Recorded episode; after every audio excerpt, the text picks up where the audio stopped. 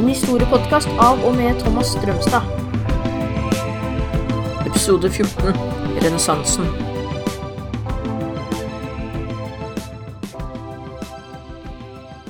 Ja, da har vi kommet til eh, renessansen.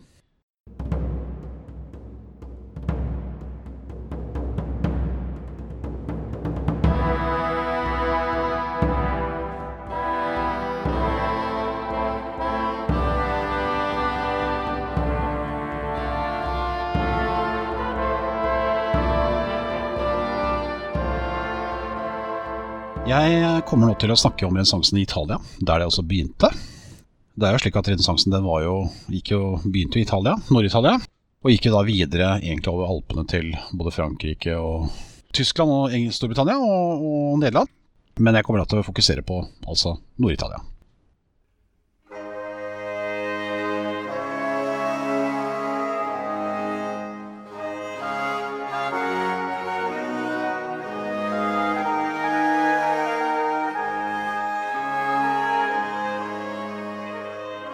Det er slik at uh, Jakob Burkhardt, som da var en sveitsisk historiker og som levde på 1800-tallet, han skrev da et uh, legendarisk stort verk om renessansen. Og i dette verket så omtaler han da renessansen som en tid da de store endringer innen tankegang og kunst oppsto.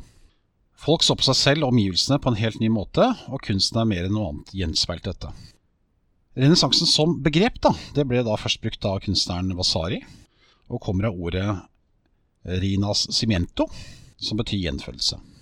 I denne sammenheng tenkte Vasari på gjenfødelse av antikkens ideer.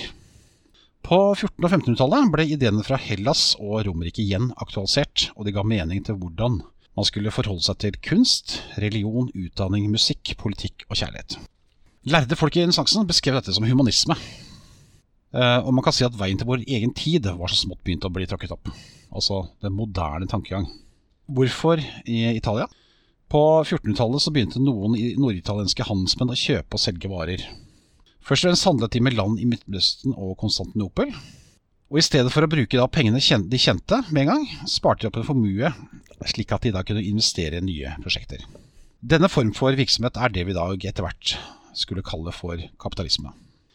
De norditalienske kjøpmennene handlet og konkurrerte på et marked hvor prisene på varene ble styrt ut ifra hvor mange varer som fantes, og hva kundene ønsket å kjøpe. Altså forhold mellom etterspørsel og tilbud. Italienerne etablerte de første bankene som drev lånevirksomhet overfor konger og andre handelsmenn. Kongene fikk et større og større behov for penger, så de kunne finansiere våpen og lønn til soldatene.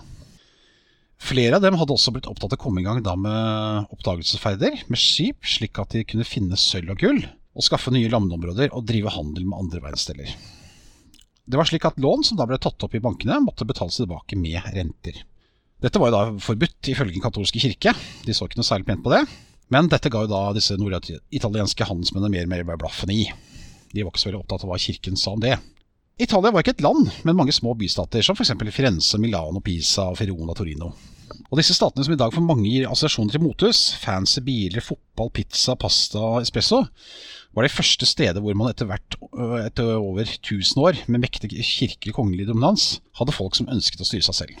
Disse bystatene var små nok til at store deler av befolkningen, okoi, dvs. Si de med penger, kunne være med i styre og stell, litt sånn som i de gamle greske bystatene. Ettersom disse bystatene var små og ikke så folkerike, hadde de naturlig nok ikke tilgang på mye arbeidskraft. Men det de til gjengjeld hadde masser av, var penger, og man var kommet inn i en tid da penger begynte å bety mer og mer. Hvis du likte å handle og drive business på 14-tallet, da var Nord-Italia stedet. Penger betydde makt, og med penger kunne man da f.eks. skaffe seg leiesoldater. Disse leiesoldatene tilhørte da egne selskaper, og de som ledet disse selskapene gikk under betegnelsen condottieri. Disse ble etter hvert smært mektige og fikk stor innflytelse på styringen i bystater, som um, Milano, Mantura, Ferrara. Kondottierne spøkte ikke med, da de ikke skydde noen midler for å opprettholde sin makt eller beskytte ledere de var engasjert av. I Milano hadde man den mektige hertug Galeazza, som hadde overgått den verste James Bond-skurk. Veltalende, sjarmerende, men sleip og sadistisk som få. En av hans yndlingssysler var å, spise, å se på fanger spise bæsj. Etter hvert hadde folk fått nok, og da han en søndag var på vei til- vei ut av kirken, ble han knivstukket til døde. Mange hyllet nok Vår Herre ekstra den dagen.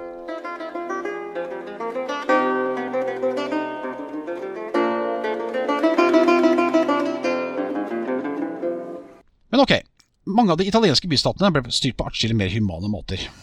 Felles for dem var at de ikke aksepterte å bli diktert av kirke eller konge, skråse, keisere og deres adel. De var selvstendige handelsmenn som ville styre seg selv. Vi skal se på de største og viktigste statene, bør følgende i hvert fall nevnes. Firenze, Milano, Pizza, Roma, Napoli, Genova og Venezia. Disse bystatene var alle mektige og forskjellige. Når det gjelder styresett, dannet de en salig miks. Firenze ble styrt av en lite, utgått av de rikeste slektene, en såkalt signora. Etter hvert skulle en familie styre hele butikken, den mektige bankerfamilien Medici. Milano, som vi allerede har vært innom, hadde først vært en republikk, men ble etter hvert overtatt av disse hensynsløse kondukterne. Disse kondukterne kom hovedsakelig fra to dynastier, Visconti-familien og Sorsa. Pisa, som ligger der ved havet, hadde konstant angst for å bli erobret av den mektige innlandsbystaten Firenze, og opprettholdt sin republikanske styre. I Romerikes hovedstad Roma var det paven og hans menn som hadde makten. Pave Sixtus den 4. utpekte egne nære slektninger til å bli både kardinaler og biskoper, mens Innocens 8. utnyttet sin nevø på 13 år til å bli hans arving. En annen pave, Alexander 6., fikk et haug med løsunger. Særlig hellige og fromme i sin atferd var det ikke, så man kan trygt si at Sankt Peters arvinger de hadde beveget seg et ganske godt stykke unna det som Bibelen vel egentlig yndet å si. I Napoli var det kongedømme, og en av de mest markante kongene var Ferrante, en hell utrivelig karakter som styrte med frykt, balsamserte sine fiender etter at han hadde henrettet dem og beholdt dem som trofeer. Så når han skulle sitte og nyte sine triumfer, så satt han da og så på menneskene han hadde drept, på veggen. Kanskje ikke rart at adelen stadig vekk prøvde å kvitte seg med han. Den elegante havnebyen Venezia ble omtalt som La Serenetsima, som betyr den mest lysende republikken. Venezia var det viktigste handelsbyen i Italia med sin strategiske beliggenhet ved Middelhavet og Adriaterhavet. Til å styre valgte byens borgere en person som måtte gå i rare klær, klippe snorer og være til stede ved viktige begivenheter. Tittelen til denne utvalgte var Dorce, og hadde i grunn knapt mer makt enn en norsk konge i dag. Vakre, velstående, relativt demokratiske Venezia, som lå der ved nydelig blått hav, hadde en viss tendens til å tenke høye tanker om seg selv, hvilket gjorde de andre bystatene misunnelige og fiendtlig innstilt. De italienske bystater var alle naturlig nok opptatt av å sørge for egen sikkerhet og økonomiske interesser, og var således i konstant angst for at de andre bystatene ville angrepe dem.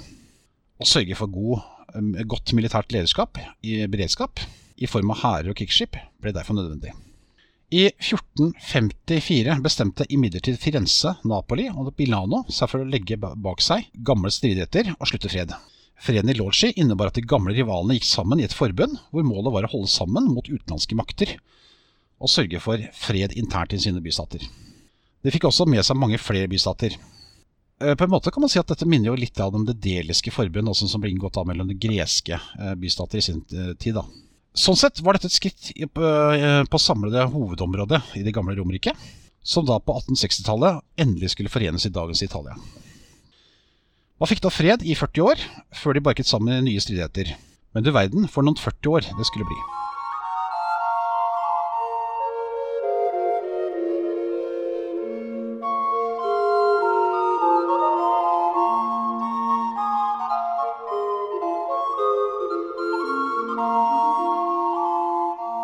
I stedet for å gå rundt og være redde for at naboen skulle komme og krige, kunne de forskjellige bystatene senke skuldrene og bruke tiden på mer konstruktive og positive sysler. Vi snakker nå om en periode som inneholder navn som Leonardo Vinci, Rafal og Michelangelo. En bystat som skulle få en veldig spesiell rolle i forbindelse med renessansen, var jo da Firenze. Når mange snakker om renessansen, så er det jo mange som automatisk da tenker på Firenze. Firenze, som var en ren eh, innenlandsbystat, hadde et maktmiddel, nemlig penger. Den mektige Medici-familien som styrte det meste i Firenze, var altså en mektig bankerfamilie som kunne true de andre bystatene med å si opp eller nekte å gi lån og ettersom penger hadde blitt viktig i hele Nord-Italia, sørget medicierne indirekte for at det ble fred. Eneste som prøvde seg, var pave Sixtus, den fjerde, som fikk en rivaliserende familie til å prøve å ta makten fra medicierne. De klarte å drepe en av familiens overhoder da han og broren Lorenzo var i messe. Men da trådte den unge Lorenzo frem og fikk overtalt paven til å pakke sammen og reise tilbake til Roma. Han ble jo ikke kalt Lorenzo di Magnifico for ingenting. Som vi allerede har sett, var, ikke, var handel et viktig utgangspunkt for et voksende handelsborgerskap. Et borgerskap som ikke ville la seg styre andre seg selv, og i hvert fall ikke mektige konger, skråser keiser eller kirken. Gjennom kontakt med land i Midtøsten fikk italienske kjøpmenn tilgang på gamle skrifter fra antikken. Det hadde seg nemlig slik at mens Europa under middelalderen hadde lagt mest vekt på bibelske skrifter, hadde land i Midtøsten tatt vare på skrifter fra antikken. Tilgangen på disse ideene ga også et nytt perspektiv på forholdet mellom Gud og menneske. Nå var det mennesket som sto i fokus. De nye rikingene ville utfolde seg i sin fulle frihet, og de ville utfolde seg i sin prakt. Behovet for statussymboler økte med tilgang på rikdom. Arkitekter ble hentet inn for å tegne, tegne og bygge, bygge flotte hus, bygninger til rikingene selv, og som donasjon til fellesskapet. Skulptører og malere fikk i oppdrag å utforme vakre statuer. Altså Skulptører fikk i oppdrag å lage da vakre statuer, mens malere ble tatt i datidens eh, fotografer, som da foreviget de velstående. De hadde sin versjon av selfie på den tiden også, kan man si. Med ny, vakker kunst i omløp ble kunst også salgsobjekt. Og de med mye kapital begynte å samle på kunst, som en ren investering. De nye kunstnerne jobbet altså i stor grad på oppdrag, men de største kunstnerne som Michelangelo og da Vinci hadde et større perspektiv på det. For dem var kunsten også et uttrykk for å få fram frie tanker. Da Vinci var ikke bare kunstner, men også arkitekt, lege, filosof, ingeniør, oppfinner. Han er på mange måter regnet for å være et av de mest klassiske renessansemenneskene. Og hva var det klassiske renessansemennesket? Jo, det var et menneske som var opptatt av å utforske og, se på menneskets muligheter som uendelige. Mens man i middelalderen helt og holdent trodde at sola gikk rundt, og at alle planeter dreide seg rundt jorda, fordi alt som da fantes i verden var skapt av Gud, kom det nye og utfordrende tanker på slutten av 1400-tallet. På begynnelsen av 1500-tallet kom den polske astronomen Nicolas Copernicus frem til at det var jorda som gikk rundt sola, ikke omvendt. Dette var jo da sterk kost for kirken, og Copernicus var ikke moderen at han ikke turte å fortelle om sine funn, i frykt for hva kirken ville gjøre med han. Først da han lå på det siste, i 1543, våget han å si hva han hadde kommet fram til. Den katolske kirke, som slettes ikke var utradert, var ikke nådig mot de som motarbeidet kirkens nære. Italieneren Bruno, som hevdet at verdensrommet var uendelig, ble dømt for kjetteri og brent på bålet. Galileo Galilei, som så på stjernene med kikkert og støttet Copernicus, ble etter iherdig tortur og trusler om dødsstraff tvunget til å gå fra sine egne synspunkter. Først i 1992 gikk den katolske kirke med på at disse herrene hadde rett. Likevel, en ny tilnærming til vitenskap og kunnskap hadde etablert seg i Europa, og fra nå av skulle utviklingen bare gå fremover. Renessansen la grunnlaget for det mange vil kalle den moderne verden. Mennesket sto i fokus, menneskets muligheter var ikke begrenset av noen gud eller andre. Paradoksalt nok skulle renessansen også legge grunnlaget for en retning som hadde nettopp Gud i sentrum, nemlig reformasjonen. Den skal vi komme tilbake til.